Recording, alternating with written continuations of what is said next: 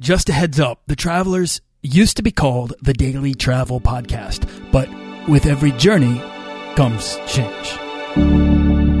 This podcast is produced by Holocene, a community of creative travelers. If you want to get serious about planning that next trip, writing that book, starting that creative project, or launching that business, we're breaking down the barriers between where you are where you want to be together at joinholocene.com. That's join, H O L O C E N E.com. Today, we're exploring all the different roles that are waiting for you in life through travel with Captain and Clark. You want to travel further and more often to visit new places and meet new people and expand the role that travel plays in your life?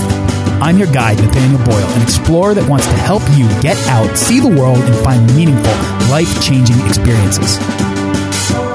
Everyone wants to be adventurous and have great stories, to do the stuff of legend.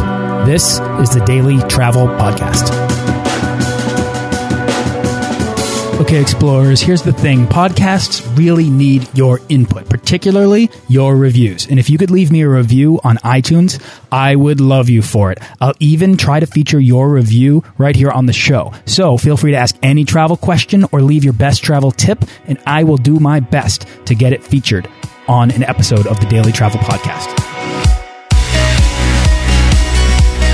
Captain Christopher Staudinger and Tawny Clark met while summiting Mount Kilimanjaro, he from Washington and her from Hawaii. Together they formed the prodigious minds behind Captain and Clark, media producers and award-winning travel bloggers. They've worked with Matador TV, Marriott, the New York Times, Lonely Planet, and more. Currently they're serving as members of Expedia's Viewfinder program, which is very cool. They bring an aspect of performance and thoughtfulness plus humor and energy to their work and travels that I thought was artistically interesting and also fun. Two things that for me comprise the spirit of travel. So I'm excited today to dive into their story. Who are these two? Where are they going?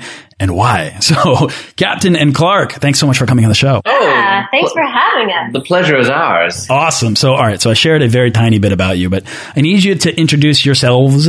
Take us back to where you're from and how you got started traveling. Oh. Oh gosh. Okay, you go first. Okay, well, let's see. Where? How do you trace the origin back on something like this? I'm I'm still trying to figure it out. I I don't know. I grew up in a very travel oriented household, and both of my parents seem to have this like obsessive need to push me past my boundaries. Yes. So um, when I ended up in uh, high school, I was doing a lot of traveling at that point, and then right after high school, I decided to go be so stereotypical and leave for the sea and uh, and get my captain's license. And that was kind of the, like the genesis of my travel lifestyle. Yeah, but you're forgetting. I mean, he traveled all over the U.S. when he was younger. Like you saw 30 or 40 of the states before you even got to high school. Before, yeah, before I was out of diapers, really. Okay. So you're glazing right over this. Chris, let me ask you, what was the first uh, trip that you can remember? That I can remember, I was, I think, like one and a half. And we were road tripping in a VW van through Vermont. And my parents uh, used the sink as a bathtub. It's the first, the first thing I remember. I almost don't believe you, but I'm but I'm gonna go with it. Like Yeah, I'm suspicious. I, I will, I'll always rem- as like faint, it looks more like colors. Like you can smell the colors of Oh that my trip. It's not like a vivid memory. I can't tell you what the upholstery looked like, but I remember. I remember being on the road. Okay, so let me let me uh, try to illustrate maybe what you mean. Um, my first trip, I was five. I turned six in England. I can remember the feeling of being there, but I don't actually have the memories of being there. Right. So when I look at the photos, the photos to me are the memories, but I can still feel being there. And to me, it's the feeling that I always chase when I travel. But in, with regards to that trip, I have to bridge the gap between the feelings and the memory with my imagination, which I think you know. absolutely Right? It's not. Yeah, it's not a lucid memory, but it's it's something tangible that you can like almost taste. okay. It's like a memory that you can taste. And to become sensitive to that at a very young age, I think can integrate into the fabric of, pers- of a person's being so much that they want to go out and feel that more and more. It becomes kind of a, a problematically addictive. yeah, I completely agree. Yes. Okay. Tawny, your turn. Where did you uh, where where do you come from, and how did you get started traveling? Oh gosh, I'm kind of the opposite of Chris. So yes, born in Hawaii, uh, but we moved to the mainland when I was four, and I actually didn't even leave the country until I was in college. So I mean, we'd go back home and visit family in Hawaii, and we moved around a lot, but um, I never really traveled until I was a freshman in college. Wow. All right. So, what was it in freshman year that got you out of that comfort zone? Um, well, well, it was soccer. I was on a soccer team. And so the, actually the first time I left the country was to Grand Old Canada, oh. our friendly neighbors to the north. But, um, my sophomore year, I went and studied abroad, uh, on the island of Martinique in the Caribbean where I learned French and it was amazing. Were you studying language? Is that what you were doing? Yeah. So I majored, French was one of my majors. Okay. So Martinique, and Martinique is like divided in half, right? There's like a French half and like the English speaking half, right? Oh, no. Martinique's French. Oh, is that St. Martin that I'm thinking of? Maybe St. Martin. Now, let's go with that. Let's pretend I'm right about my mistake. No, Martinique is very French. They've got, but, but with beaches and lots of pain au chocolat, which I ate every day. so what was it about that trip then that that uh, I mean I assume that it was from that trip that eventually you find yourself in uh, summiting Kilimanjaro. I mean that's there's a big gap in there in which you go from kind of beginner to advanced. Yeah. So well I just I fell in love with travel and you know I was in Martinique staying with a host family and it was the first time I was really on my own in you know in a way in a sense and the great thing about the university that uh, both Chris and I attended is that every January you had three options. You could either take the whole month off, you could take uh, one class for that month and get full credit for it, or you could go and study abroad. Mm. And so that gave us a lot of opportunities. Now, studying French in school, I mean, did you have uh, this? Is this was your major in college, right? Yeah, one of them. So, did you plan to take that overseas and, and use it there, or was it something that you were hoping to use back home? Uh, you know, I started taking it when I was um, in like seventh grade, and I just wanted to learn something exotic and new. And I think I I already kind of had a little bit of the travel bug, even though I never really left the states.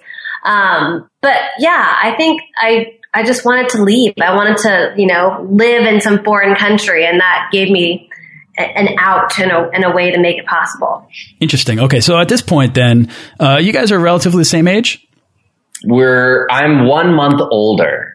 And he won't let me forget it. you know, this is funny, but my, my wife, I am one year, one month, one day older than my wife. What? Whoa. How weird is that? When we realized that, it was like minds exploded. crazy. Yeah. Destiny, meant to be. Yes, yes, really. Well, and we haven't checked the hours yet, but we're going to get into that. And if it's like one minute, it's going to get really scary. Oh, that's already. so uh, that was a weird fun fact of my own. Um, so at this point, then you guys, uh, Chris, you're out trying to get a captain's license, which I want to explore a little bit. And Tawny, you are um, learning the out, like out of college, learning the ropes of travel. I mean, where was your next trip that after Martinique that uh, would have you know challenged you next?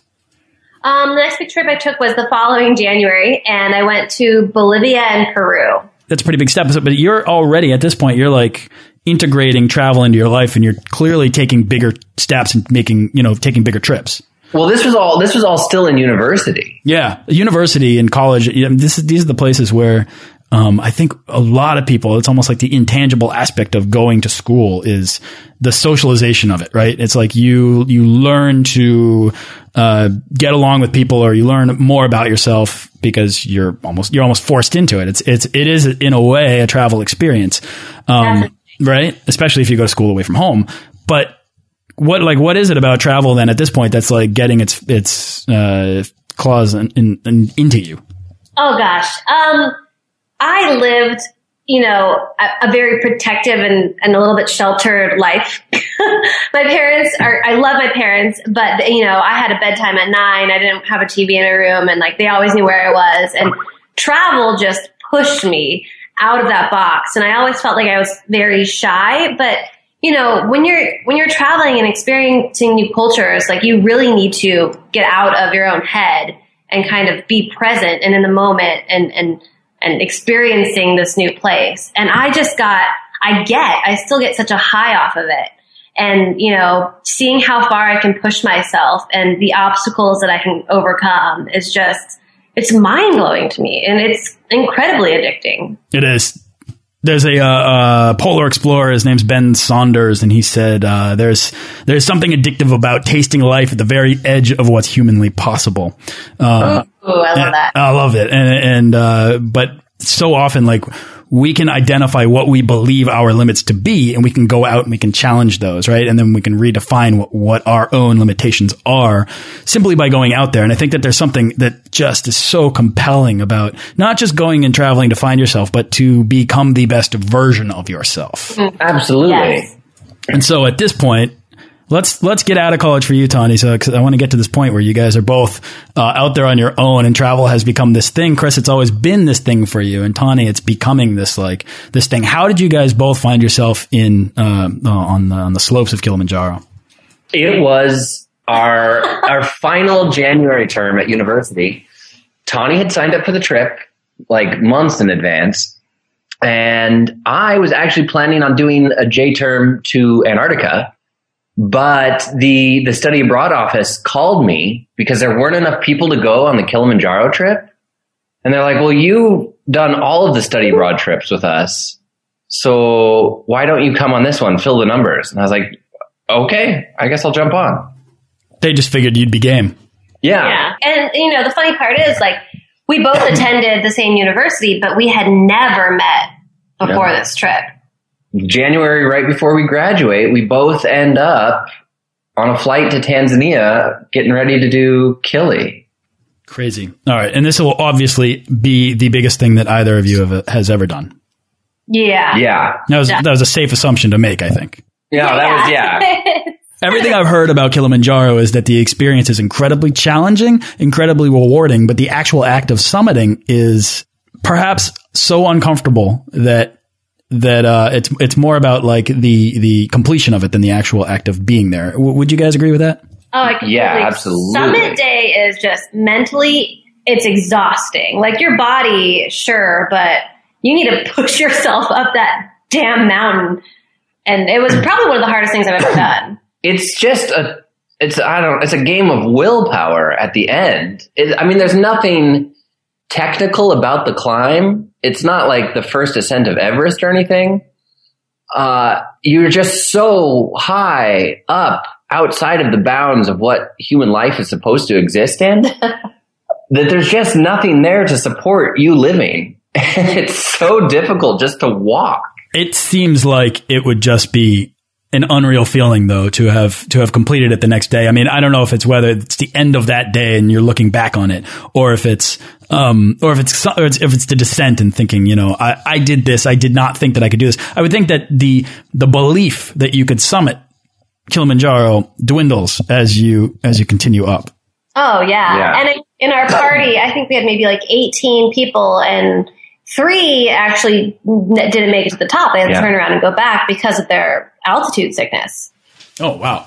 Okay, so that's a that's a considerable concern on Kilimanjaro. I guess I didn't even really think of that. I um for I, it's always like my first thought for the Annapurna circuit or or Everest, of course, but uh, Ooh. even just Everest Base Camp. Um, Oh yeah. but Kilimanjaro, yeah, of course. I, I always tell the story that as you're going up it, just parts of you fall off, like they're too heavy to carry. Um, I remember we were going up, and one of the girls we were hiking with was on the side of the trail, just puking, like she couldn't walk anymore. And I was hiking up, and she was asked for help. She was like, "Can you please help me?" And at the time, I was like, "No." I kept walking. And I like I I try and justify it all the time, but like in the heat of the moment, I was a terrible person. Like all he cared about was the summit. and survival at that point. Yeah, it was, you just become something that you never expect. A monster. We always think, yeah.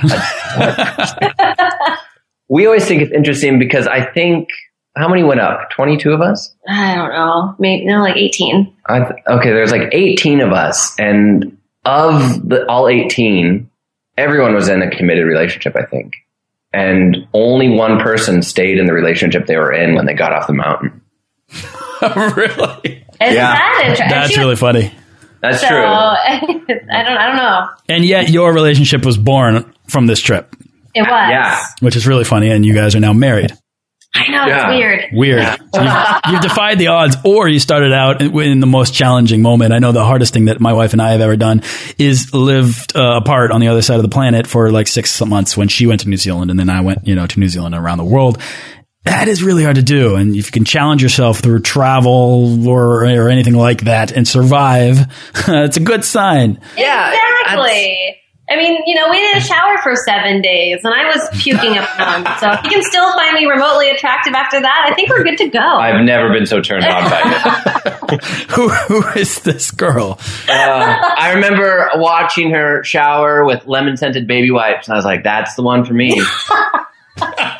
I need a woman with some citrus on her, you know. Uh, all right, so guys, uh, take me from uh, the post uh, post Kilimanjaro trip then to starting your uh, starting what you're doing these days, which is CaptainandClark.com. Oh, well, okay. So after we graduated, we obviously both were by that point just addicted to travel and we knew it was something we wanted to do, but we had no idea how to facilitate this need. And so I was going to go be an au pair in Germany and Chris was going to be a, a ranch hand in Australia. And, you know, we kept telling each other, you know, I just, I just wish we'd met, you know, five years from now. Like we're too young. We both want to see the world and this, this isn't going to work. Like I really like you, but, but not now. Um, and eventually it dawned on us that we could travel together. And so we packed up and we moved to South Korea to teach English. I really like this telling of the story, by the way. I, I really, Can I can I get your side of this? I'm curious. uh, yeah. Um, Can we all?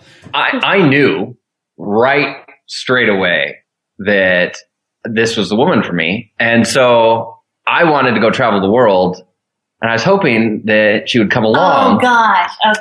um, I see where we're going. and so I was like, well, I want to be a ranch hand in Australia, but I can't do it without you. So let's, let's figure something out. And I was, I was insane. I just bought on a whim one way tickets to Spain. I was like, let's just go. Uh, and she's like, ah, that seems dangerous. Because he pitched it, well, like, let's just go. And I'm like, where are we going to stay? He's like, well, I have a tent and we can just, just sleep outside. I was like, you've got to be kidding me. So, so when she's saying it took a year for us to realize that we could travel together, what she's saying is it took me a year to convince her that there was a way we could do this responsibly So together. it took me, I, I found Korea. Let's just put that I will. there. I'll give her that. She did come up with the brilliant plan. Okay. All right. So, Chris, uh, you earned a captain's license, and I just want to step back first because I just want to explore exactly who the person is then that's asking her to go and have no plan and possibly sleep in a tent in Spain. Um, captain's license. What is a captain's license, and why are you pursuing it? Uh, I uh, well, Because I figure this is going to lead to help to explain uh, who Captain is out of Captain and Clark and where this idea comes from. I just I'm so dramatic in everything that I do. um, so right after high school, I thought the best way to travel the world would be to go to sea. So I joined all these these sailing programs, uh, all down the East Coast, learning everything from basic keelboat to like blue ocean sailing. Um, and I did all these like different sail programs. I volunteered on the Spirit of Massachusetts. Uh, and then I, I went to college for a year and realized I needed to go back to sea. So I did two consecutive semesters at sea. And by the end of this whole thing, I had enough sea time to, to apply for my captain's license, Got which it. is just a, a U.S. Coast Guard certificate saying that I know how to handle a sailboat.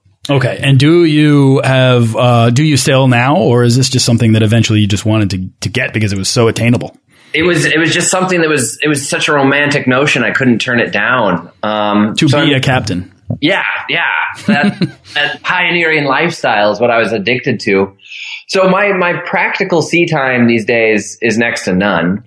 Um, I mean, I can see the water from our window right now, but Um, Be careful what you say. They're going to revoke your license here. I know Yeah. they show up. They take these things very seriously. They're scouring the podcasts. the uh, NOAA Institute pays very close attention to these things. of course. Um, so while I can sail, it's not something that I actively do all the time. Okay. And then what is this? So then you, you also have this sort of maybe romantic notion of being a ranch hand in Australia. Um, are these the things that are, are, are, are romantic notions, uh, motivators for you in determining the places that you want to go or the experiences that you want to have? There, yeah, I chase the story. I don't know that I've ever traveled because of the geographic destination. I've constantly just been thrown at places based on how good the story is going to be when I get back. See, one of the things we were talking about is this idea of um, almost uh, becoming a best, a better version of yourself, or the best version of yourself. Um, it seems like you, and from what little I, I know of you, uh, uh, that you are intrigued by the roles that you can play, Oh, absolutely. right? So, are the, is it almost less about the better version of yourself, but perhaps about the many versions of yourself that you can explore? yeah, life just has so many possibilities. And uh, definitely when I was younger, I just wanted to try everything. Mm.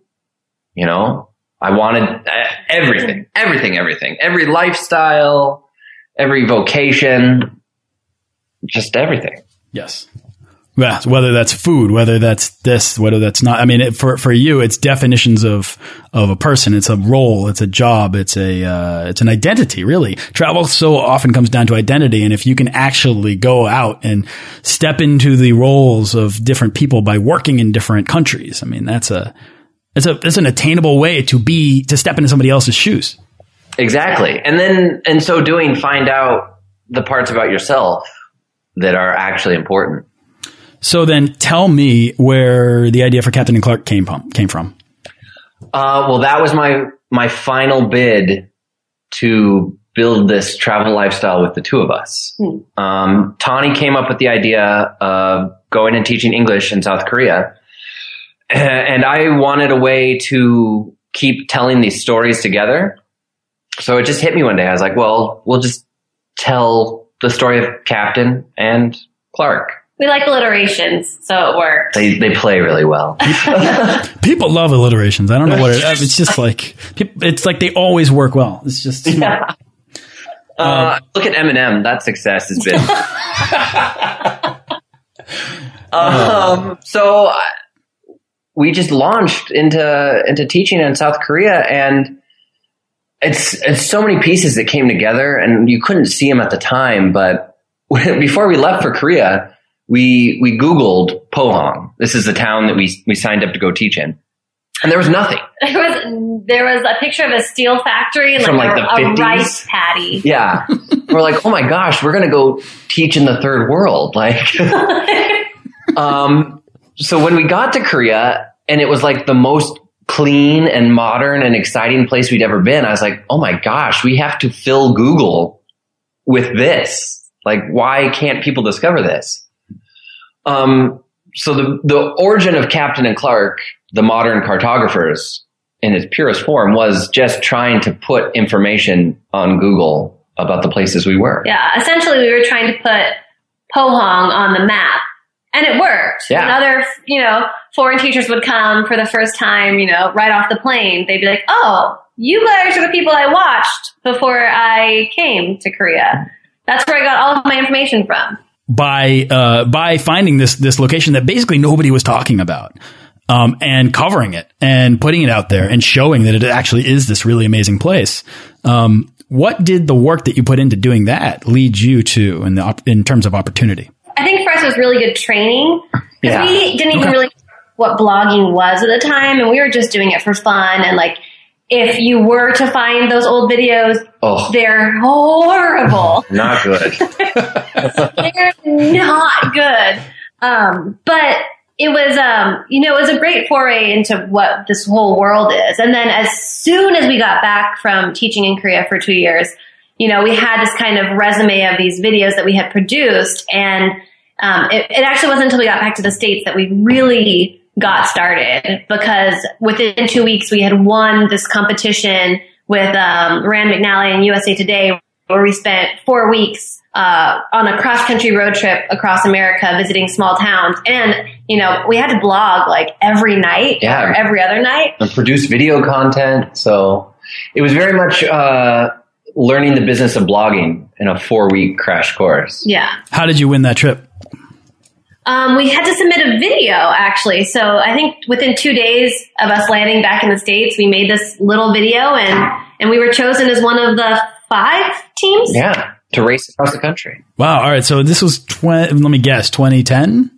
2011. 2011. Okay. And so at that point, then you were taking your blog from basically talking about one destination to covering this bigger journey.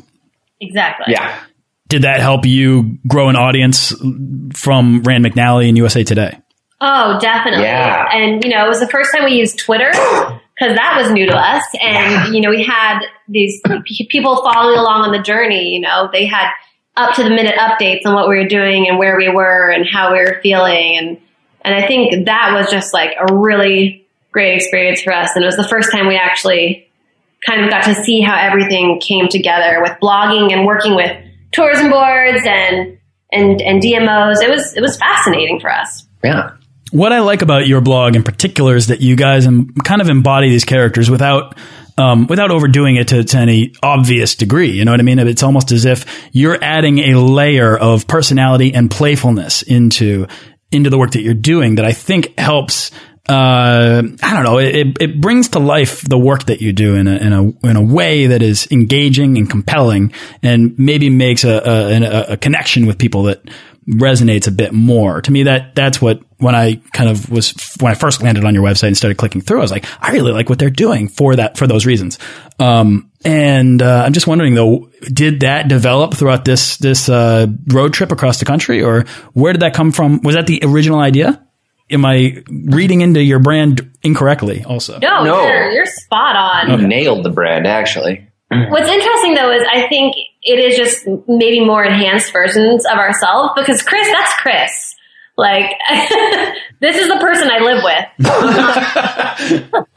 on a daily basis. Like, you know, you, you get what you see. I think for me, it took me a little while to come out of my shell, especially with video. Like in the early videos, I was so shy and, and quiet and Chris has really helped me with that. Kind of just enhancing my personality a little more. I think the thing that we do, that we do well, and I'm glad to hear that you resonated on that, is exactly that. The thing that makes us is just this childlike wonder Mm. at the world. Like everything that we discover is just new and fascinating, and we're constantly trying it on. We were talking about this yesterday because yesterday, you know, just a random day in November, we dubbed it Christmas Tree Day. and so, like little kids, the entire day we spent, you know, getting our Christmas tree, dancing around Target and buying ornaments and, you know, hopping from store to store and making hot chocolate. And, you know, I think our goal is to make, you know, as t- typical as it sounds, make the ordinary extraordinary. And that's just how we live our lives. Yeah, that's no, that's exactly it. And then we just document it, but we just always want to find the extraordinary in the ordinary. I would think the documentation of it holds you accountable too. And it's almost like a, a self, uh, f- uh, what's the word? Like a, like a feedback loop of, of, uh, playfulness. yeah. uh, but that's what I love. I mean, this show is, this, this show can come down to one word and that one word, at least for me and my philosophy of travel is imagination, right? And, and Chris, I think that, um, you and I connected when we met in person very briefly that uh, on, on this idea of um, having backgrounds in theater. I think we both have that, and then we both, uh, unless I'm wrong about that, No, um, you're dead on. right? Yeah. Okay, yeah, right. And and uh, but also uh, what I didn't realize is that your initial memories were travel memories that are that are these fragments of feeling almost um, that come from a, a, a, a this place of childlike wonder. Because it's a feeling that you can't actually you can't actually explain. You couldn't draw a picture of it. You can just say I feel this. Um, and to me that is like that is that you need a, a strong imagination in order to understand that feeling about yourself Uh, and I think so many of us travel for that opportunity to get back to seeing the world through childlike eyes again and to reawaken that sense of awe about everything around us and cultivate our imaginations. Um, and we get to have these aimless adventures in the mysterious landscapes of our backyard. And we've lost that, right? And it's, um, Carl Sagan said that the road still softly calls like a nearly forgotten song of childhood. And we miss it and travel affords us that opportunity to reconnect with that playful feeling. And so, yes, your brand, your blog does totally connect with me in that sense because High five. I love it. and that's why I wanted to have you guys on because um, I love I love what you're about and I, I love uh, what you guys are working to become. So where has um, starting and continuing on with Captain and Clark taken you since that that cross country road trip? Do you know about the Maverick expedition? No. Oh, Oh my gosh. Okay, I want to start really quickly. Okay. Okay, so in the Galapagos Islands, there's a little island called Floreana. Have you heard of it? No. Okay, so on the island is this learning. barrel. This is so exciting. And, you know, for the past hundreds of years, whalers and sailors that were coming through the area would leave letters addressed to their home in the barrel, you know, without postage, just the address. And then when another ship came through, they'd go through the letters, and if they found a few addressed to their next destinations, they would take those letters, and then when they reached that destination, they would hand deliver the letter. Wow. So That's so cool. the tradition continues today. So we found our way down to the Galapagos, got on a ship that was out to Floreana, got into the post barrel and took out 22 letters addressed around the world. And for the last two years, we've been in the process of delivering them one by one to these people. Brilliant. I love this. Okay. Step first of all, did you guys find this on your own? Th- This was something that Chris had discovered. My first captain who like taught me how to sail told me the story of this place. And it's been like the song of my life hmm. to do this. So you talk about chasing the story, like you were saying. Oh yeah. Yeah. and this was one of the first things that he told me. He was like, you know, there's this island. He explained everything, and he was like, I just want to do it someday. Because of the romantic notion of it. But now you have what is effectively amounts to a quest that you're out to. Con- Exactly. Yes. Right? Exactly. I love this. All right, so uh, where are you on this process, and where has this taken you? Um, we delivered our very first letter in India.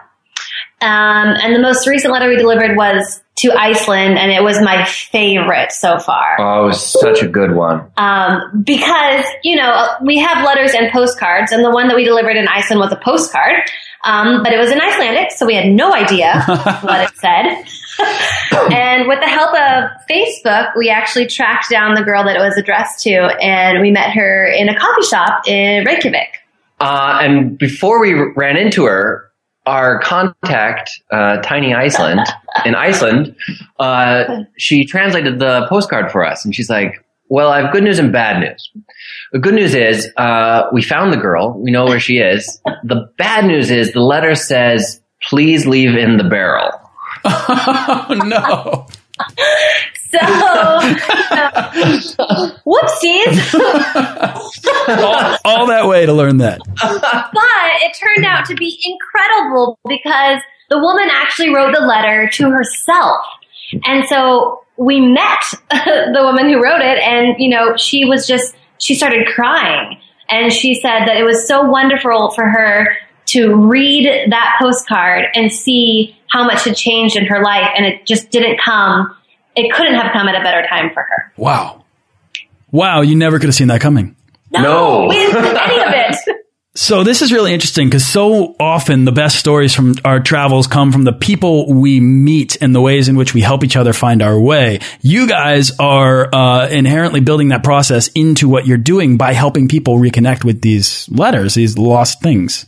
Yes. That's so interesting. This is maybe my favorite thing. I don't know of all time. It's it's up there. It's it's somewhere up there. I'm loving this. Um, so this is a big quest. So um, I'm sorry. Uh, You said how far along you are, but I'm I've forgotten. How far along are you?